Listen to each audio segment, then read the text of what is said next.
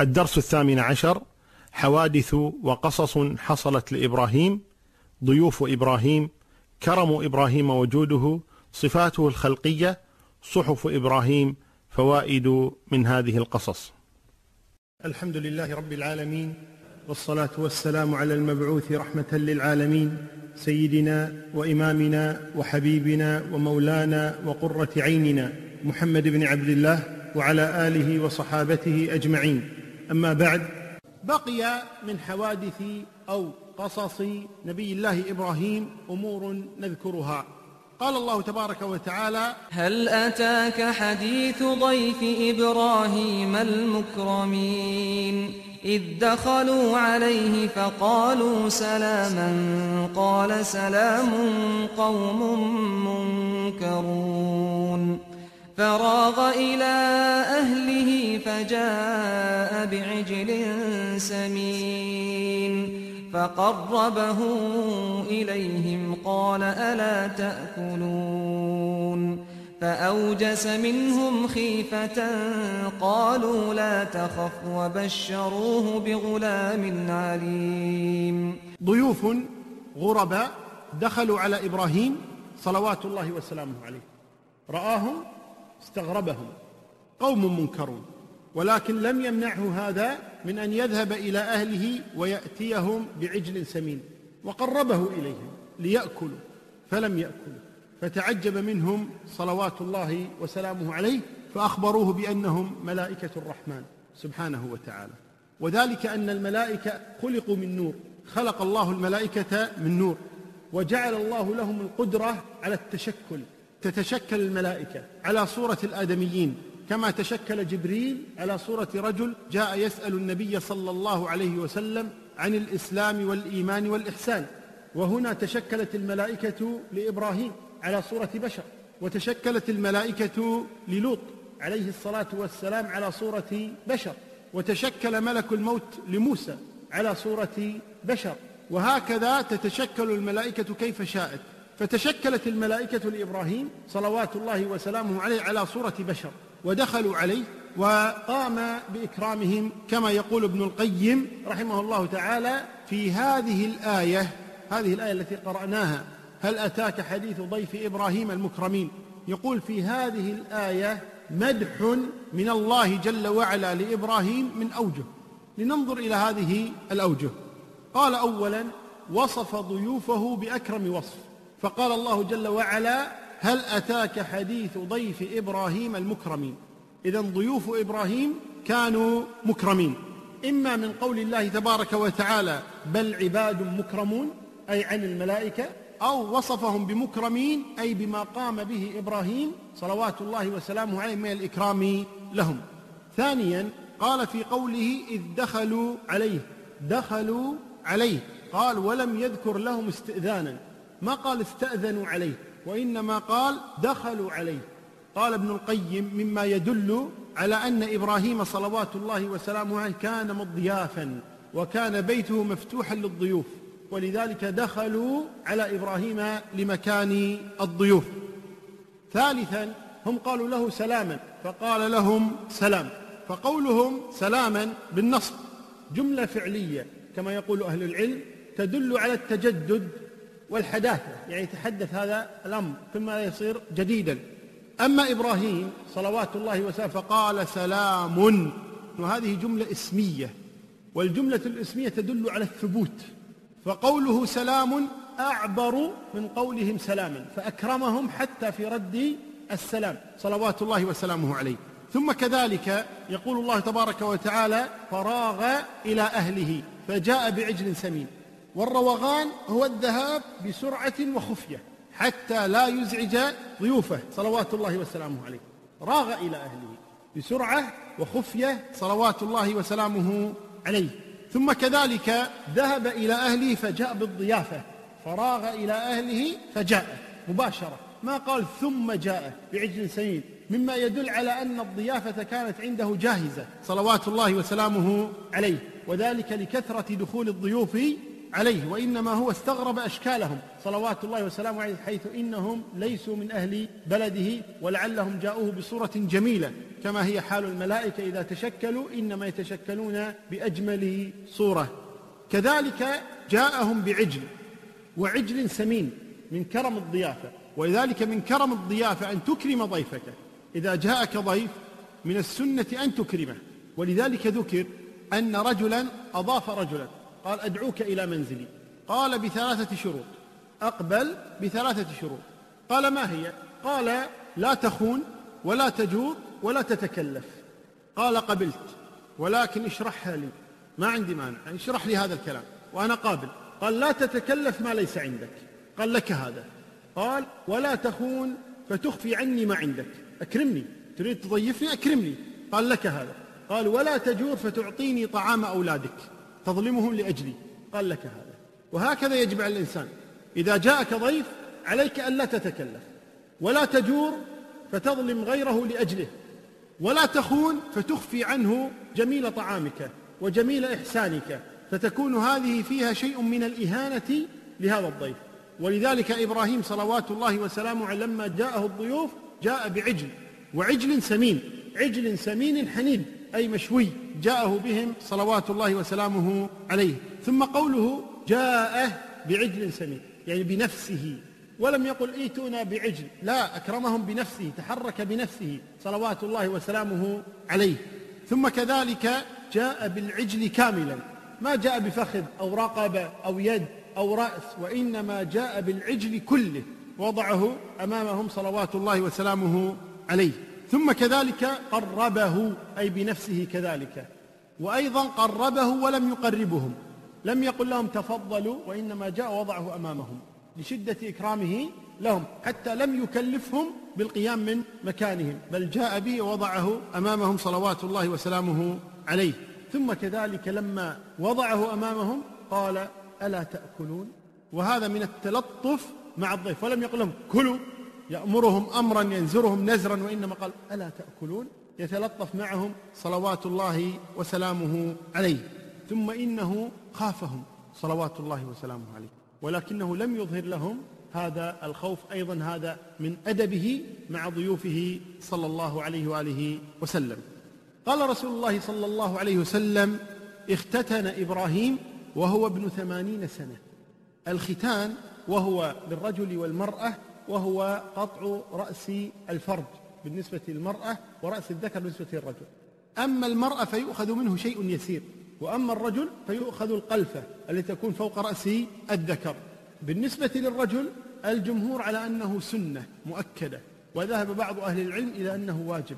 وأما بالنسبة للنساء فهو مكرمة إن شاءت فعلت وإن شاءت تركت. إبراهيم صلوات الله وسلامه اختتن وهو ابن ثمانين سنة بالقدوم. القدوم منطقة في بلاد الشام. أي اختتن وهو ابن ثمانين سنة بالقدوم أي في منطقة القدوم في الشام. وقرئت بالقدوم بفتح الدال بدون شدة. يعني القدوم والقدوم. القدوم منطقة كما قلنا في الشام. والقدوم هو الفأس يشبه الفأس. يعني اختتن بهذه الآلة وهي التي تشبه الفأس يقال لها القدوم. الناس يسمونه قدوم والصحيح إنه قدوم بالسكون وهو ما يشبه الفأس. وسواء اختتن بالقدوم أي في بلاد القدوم أو اختتن بالقدوم وهو آلة النجارة هذه تقطع بها الأشجار وغيرها المهم أنه اختتن وهو ابن ثمانين سنة صلوات الله وسلامه عليه. صفة إبراهيم قال النبي صلى الله عليه وسلم في صفته أتاني الليلة آتيان فأتياني على رجل طويل لا أكاد أرى رأسه طولا وإنه إبراهيم صلى الله عليه وسلم. وهذا أخرجه البخاري في صحيحه. وكذا اختتان إبراهيم في الصحيحين في البخاري ومسلم. وأخبر النبي صلى الله عليه وسلم كما في البخاري أيضا أنه أشبه الناس بإبراهيم. صلوات الله وسلامه عليه. وذلك أنه شبه موسى وشبه عيسى فلما قيل له صف لنا إبراهيم قال أشبهكم به صاحبكم يعني نفسه صلوات الله وسلامه عليه. وقعت قصة ثانية لإبراهيم صلوات الله وسلامه عليه. قال الله جل وعلا وإذ قال إبراهيم رب أرني كيف تحيي الموتى؟ قال أولم تؤمن؟ قال أولم تؤمن؟ قال بلى ولكن ليطمئن قلبي. قال فخذ أربعة من الطير فصرهن إليك ثم اجعل على كل جبل منهن جزءا. ثم اجعل على كل جبل منهن جزءا ثم ادعهن يأتينك سعيا. واعلم أن الله عزيز حكيم. ربي أرني كيف تحيي الموتى سؤال من إبراهيم صلوات الله وسلامه عليه. سأل ربه جل وعلا مسألة وهي أن يريه كيف يحيي الموتى. قال أولم تؤمن أني أحيي الموتى؟ قال بلى. وهذا السؤال من الله لا على الاستفهام لأن الله تبارك وتعالى ما اختار إبراهيم إلا على علم ومدحه الله مدحا لا يكاد يوصف في كتابه العزيز وأمر باتباع ملته في أكثر من آية واتبعوا ملة إبراهيم حنيفا. فالله تبارك وتعالى سأله قال أولم تؤمن يا إبراهيم؟ ألست آمنت وانتهى الأمر؟ قال بلى يا رب ولكن أردت شيئا آخر. ماذا تريد يا إبراهيم؟ ليطمئن قلبي. ليطمئن قلبي. قال أهل العلم أراد أن ينتقل من علم اليقين إلى عين اليقين. من علم اليقين إلى عين اليقين كما قال الله تبارك وتعالى. كلا سوف تعلمون ثم كلا سوف تعلمون كلا لو تعلمون علم اليقين لترون الجحيم ثم لترونها عين اليقين كلا لو تعلمون علم اليقين هذا إيمان قلبي لترون الجحيم أي في قلوبكم وتعرفون صفتها وتؤمنون بوجودها. لترون الجحيم ثم لترونها يومئذ عين اليقين. إذا هناك علم وهناك عين. علم قلبي ونظر عيني. أراد إبراهيم صلوات الله وسلامه أن ينتقل من علم اليقين إلى عين اليقين. كما قال موسى صلوات الله وسلامه ربي أرني أنظر إليك. أراد أن ينتقل كذلك من مخاطبة ربه تبارك وتعالى إلى رؤية ربه جل وعلا. ولذلك جاء عن النبي صلى الله عليه وسلم أنه قال نحن أحق بالشك من إبراهيم. إذ قال رب أرني كيف تحيي الموتى. وهذا دفاع من النبي صلى الله عليه وسلم عن أبيه إبراهيم أنه لم يشك. يعني يقول لو كان شك نحن أحق بالشك منه. فطالما نحن لم نشك إذن هو أيضا لم يشك.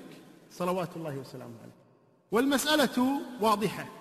أن سؤال إبراهيم لم يكن عن شك بدليل أنه سأل عن الكيف ولم يسأل عن القدرة. لم يقل يا رب هل تستطيع أن تحيي الموتى؟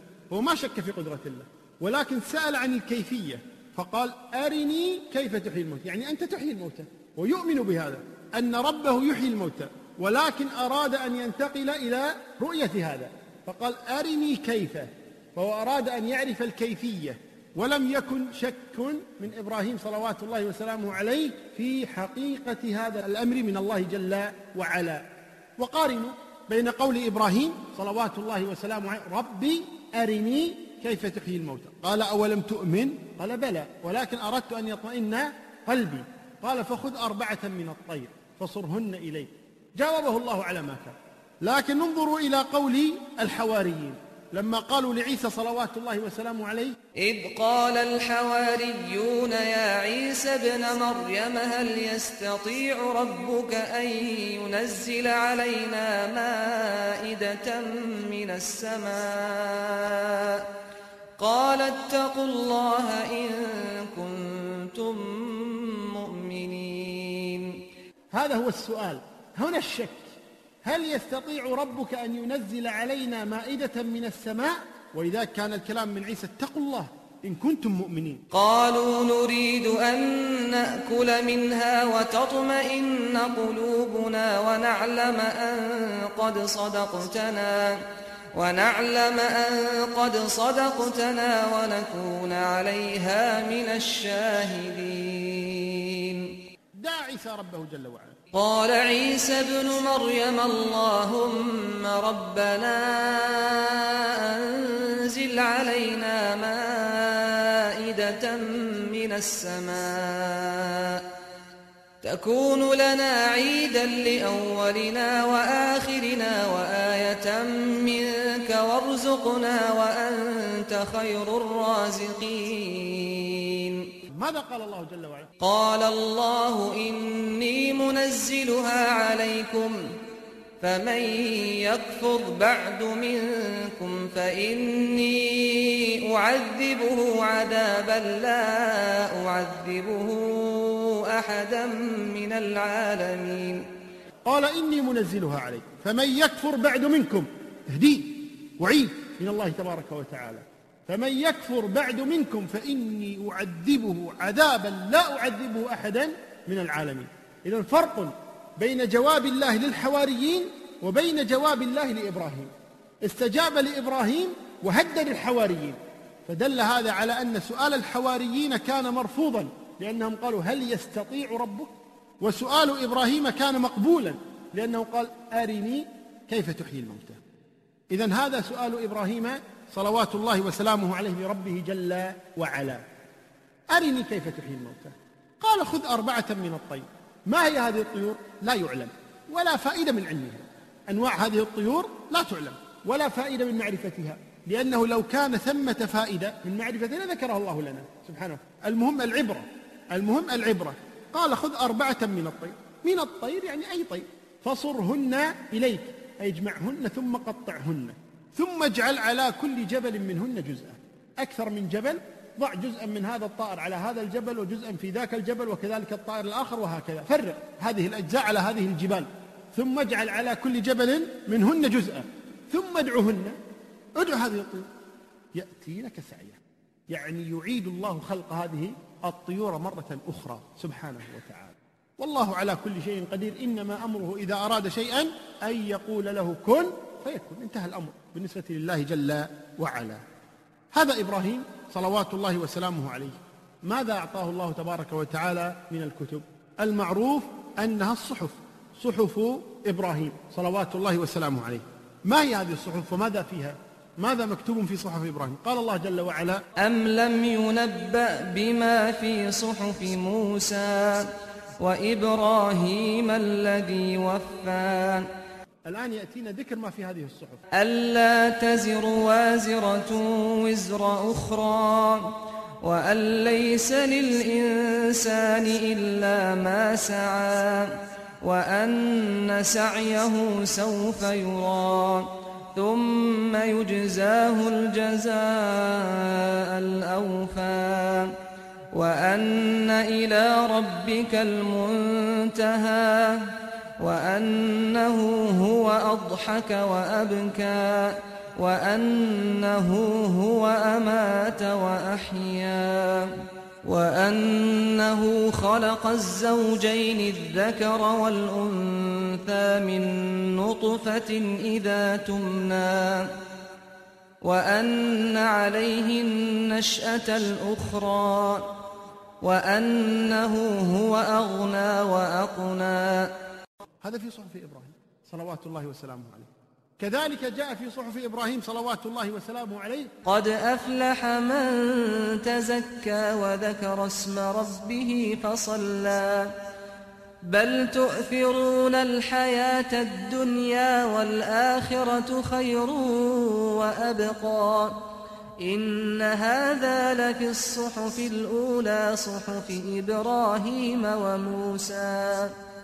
إذا أخبرنا الله تبارك وتعالى عن بعض ما في صحف إبراهيم صلوات الله وسلامه عليه وليس عن كل ما في صحف إبراهيم. هذه تقريبا حوادث قصص نبي الله إبراهيم صلوات الله وسلامه عليه ونخرج من هذه القصص بفوائد جمة. أنبه على بعضها. منها أولا أننا مأمورون باتباع إبراهيم أمرا خاصا. ملة أبيكم إبراهيم. كما قال الله تبارك وتعالى. ثم أوحينا إليك أن اتبع ملة إبراهيم حنيفا. قد كانت لكم أسوة حسنة في إبراهيم والذين معه. وذلك مما هو عليه من التوحيد والأصول والعقائد والأخلاق ولم يستثن الله جل وعلا شيئا أبدا. لك في إبراهيم أسوة حسنة. ثم قال إلا في شيء واحد فقط. إلا في شيء واحد. إلا قول إبراهيم لأبيه لأستغفرن لك. هذه ليس لكم فيها أسوة. قد كانت لكم أسوة حسنة في إبراهيم والذين معه. إلا في هذه. إلا قول إبراهيم لأبيه لأستغفرن لك. هذه ليست لكم فيها أسوة حسنة. لماذا؟ لأن هذا نسخ. منع. كان مأذونا لإبراهيم. صلوات الله وسلامه أن يستغفر لأبيه. ثم منعه الله تبارك وتعالى من ذلك. طيب.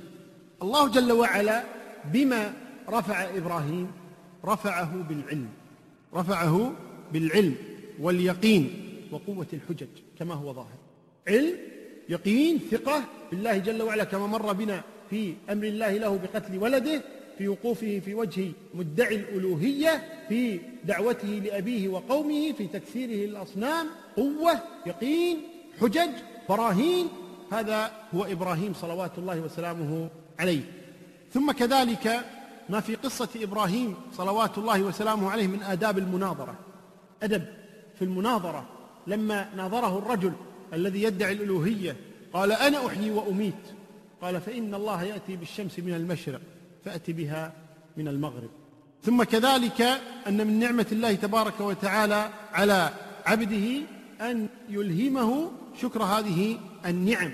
وإذا قال إبراهيم الحمد لله الذي وهب لي على الكبر إسماعيل وإسحاق. فالإنسان إذا أنعم الله عليه يتذكر هذه النعمة ويقتدي بنبي الله إبراهيم فيحمد الله جل وعلا على ما ينعم عليه به. كذلك أن أفضل الوصايا ما وصى بها إبراهيم بنيه. ووصى بها إبراهيم بنيه ويعقوب. يا بني إن الله اصطفى لكم الدين فلا تموتن إلا وأنتم مسلمون. فيه كذلك كرم الضيافة وهو ما وقع لإبراهيم صلوات الله وسلامه عليه. مشروعية السلام. لما دخلت الملائكة على إبراهيم قالوا سلاما قال سلام. فالسلام مشروع بل مستحب الإنسان يبدأ أخاه بالسلام. كذلك بيان إكرام الله لأوليائه. لما وهب إبراهيم وسارة ولدا على الكبر وهذا من نعمة الله جل وعلا كما وهبهما إسحاق ووهب إبراهيم كذلك إسماعيل من أمته هاجر. التأمل في الكون يهدي الإنسان إلى ربه جل وعلا إلى وجود خالق.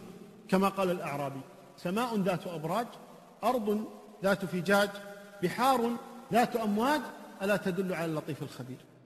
كذلك إبراهيم صلوات الله وسلم لما ناظر قومه لما رأى النجم قال هذا ربي. فلما أفل قال لا أحب الآفل فلما رأى القمر قال هذا ربي فلما أفل قال لا أحب الآفل فلما رأى الشمس قال هذا ربي فلما أفل قال يا قوم إني بريء مما تشركون. نظر في الكون يهدي الإنسان إلى ربه جل وعلا.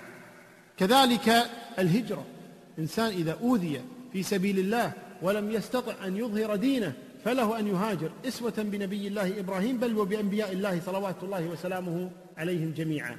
كذلك لا بد من الثقة بنصر الله وإن طال الأمد. مهما طال لا بد تكون عندك ثقة بنصر الله جل وعلا. إبراهيم ألقي في النار ويقول حسبي الله ونعم الوكيل. وجاء النصر من الله جل وعلا وجاء التأييد من الله سبحانه وتعالى. كذلك المسلم إذا أراد أن يناظر لابد أن تكون عنده حجة لابد أن يكون عنده برهان. ليس لكل أحد أن يناظر بدون حجة وبدون برهان بل استعد بحجتك وبرهانك بالعلم ثم ناظر من شئت بعد ذلك. من يتق الله يجعل له مخرجا كما فعل الله تبارك وتعالى بأم إسماعيل. لما جعلهما إبراهيم صلوات الله وسلامه في مكة قالت إلى من تتركنا ما رد عليه. ثم قالت آه الله أمرك بهذا؟ قال نعم. قالت إذا لا يضيعنا ثقة بالله جل وعلا وما ضيعه سبحانه وتعالى. كذلك رؤيا الأنبياء حق. لما رأى إبراهيم في المنام أنه يذبح ولده طبق هذا ونفذه. واستجاب ولده إسماعيل صلوات الله وسلامه عليه. كذلك من الفوائد أن الابتلاء والامتحان والاختبار من الله جل وعلا ليس المقصود منه هو المشقة والإيذاء. وإنما كما قال الله تبارك وتعالى ألف لام ميم أحسب الناس أن يتركوا أن يقولوا آمنا وهم لا يفتنون ولقد فتنا الذين من قبلهم. وليعلمن الله الذين صدقوا وليعلمن الكاذبين. إذا الاختبار ليس للمشقة ليس للأذى وإنما حتى يعلم الله تبارك وتعالى الصابرين حتى يعلم الله الصادقين سبحانه وتعالى. ثم كذلك من الفوائد أن نعلم أن الأنبياء هم أشد الناس بلاء. صوروا هذه البلاءات التي أصيب بها إبراهيم صلوات الله وسلامه عليه. أمر الله له بذبح ولده. إرادة الملك الاعتداء على زوجته. قذفه في النار صلوات الله وسلامه عليه. تهديد والده له هجرته من بلده تركه لولده وأمه يعني أم الولد في مكة لوحدهما بواد غير ذي زرع. كل هذه الابتلاءات وغيرها التي وقعت لإبراهيم صلوات الله وسلامه تدل دلالة قطعية على أن الأنبياء أشد الناس بلاء. وإذا أحب الله امرأ ابتلاه سبحانه وتعالى. وصلى الله وسلم وبارك على نبينا محمد.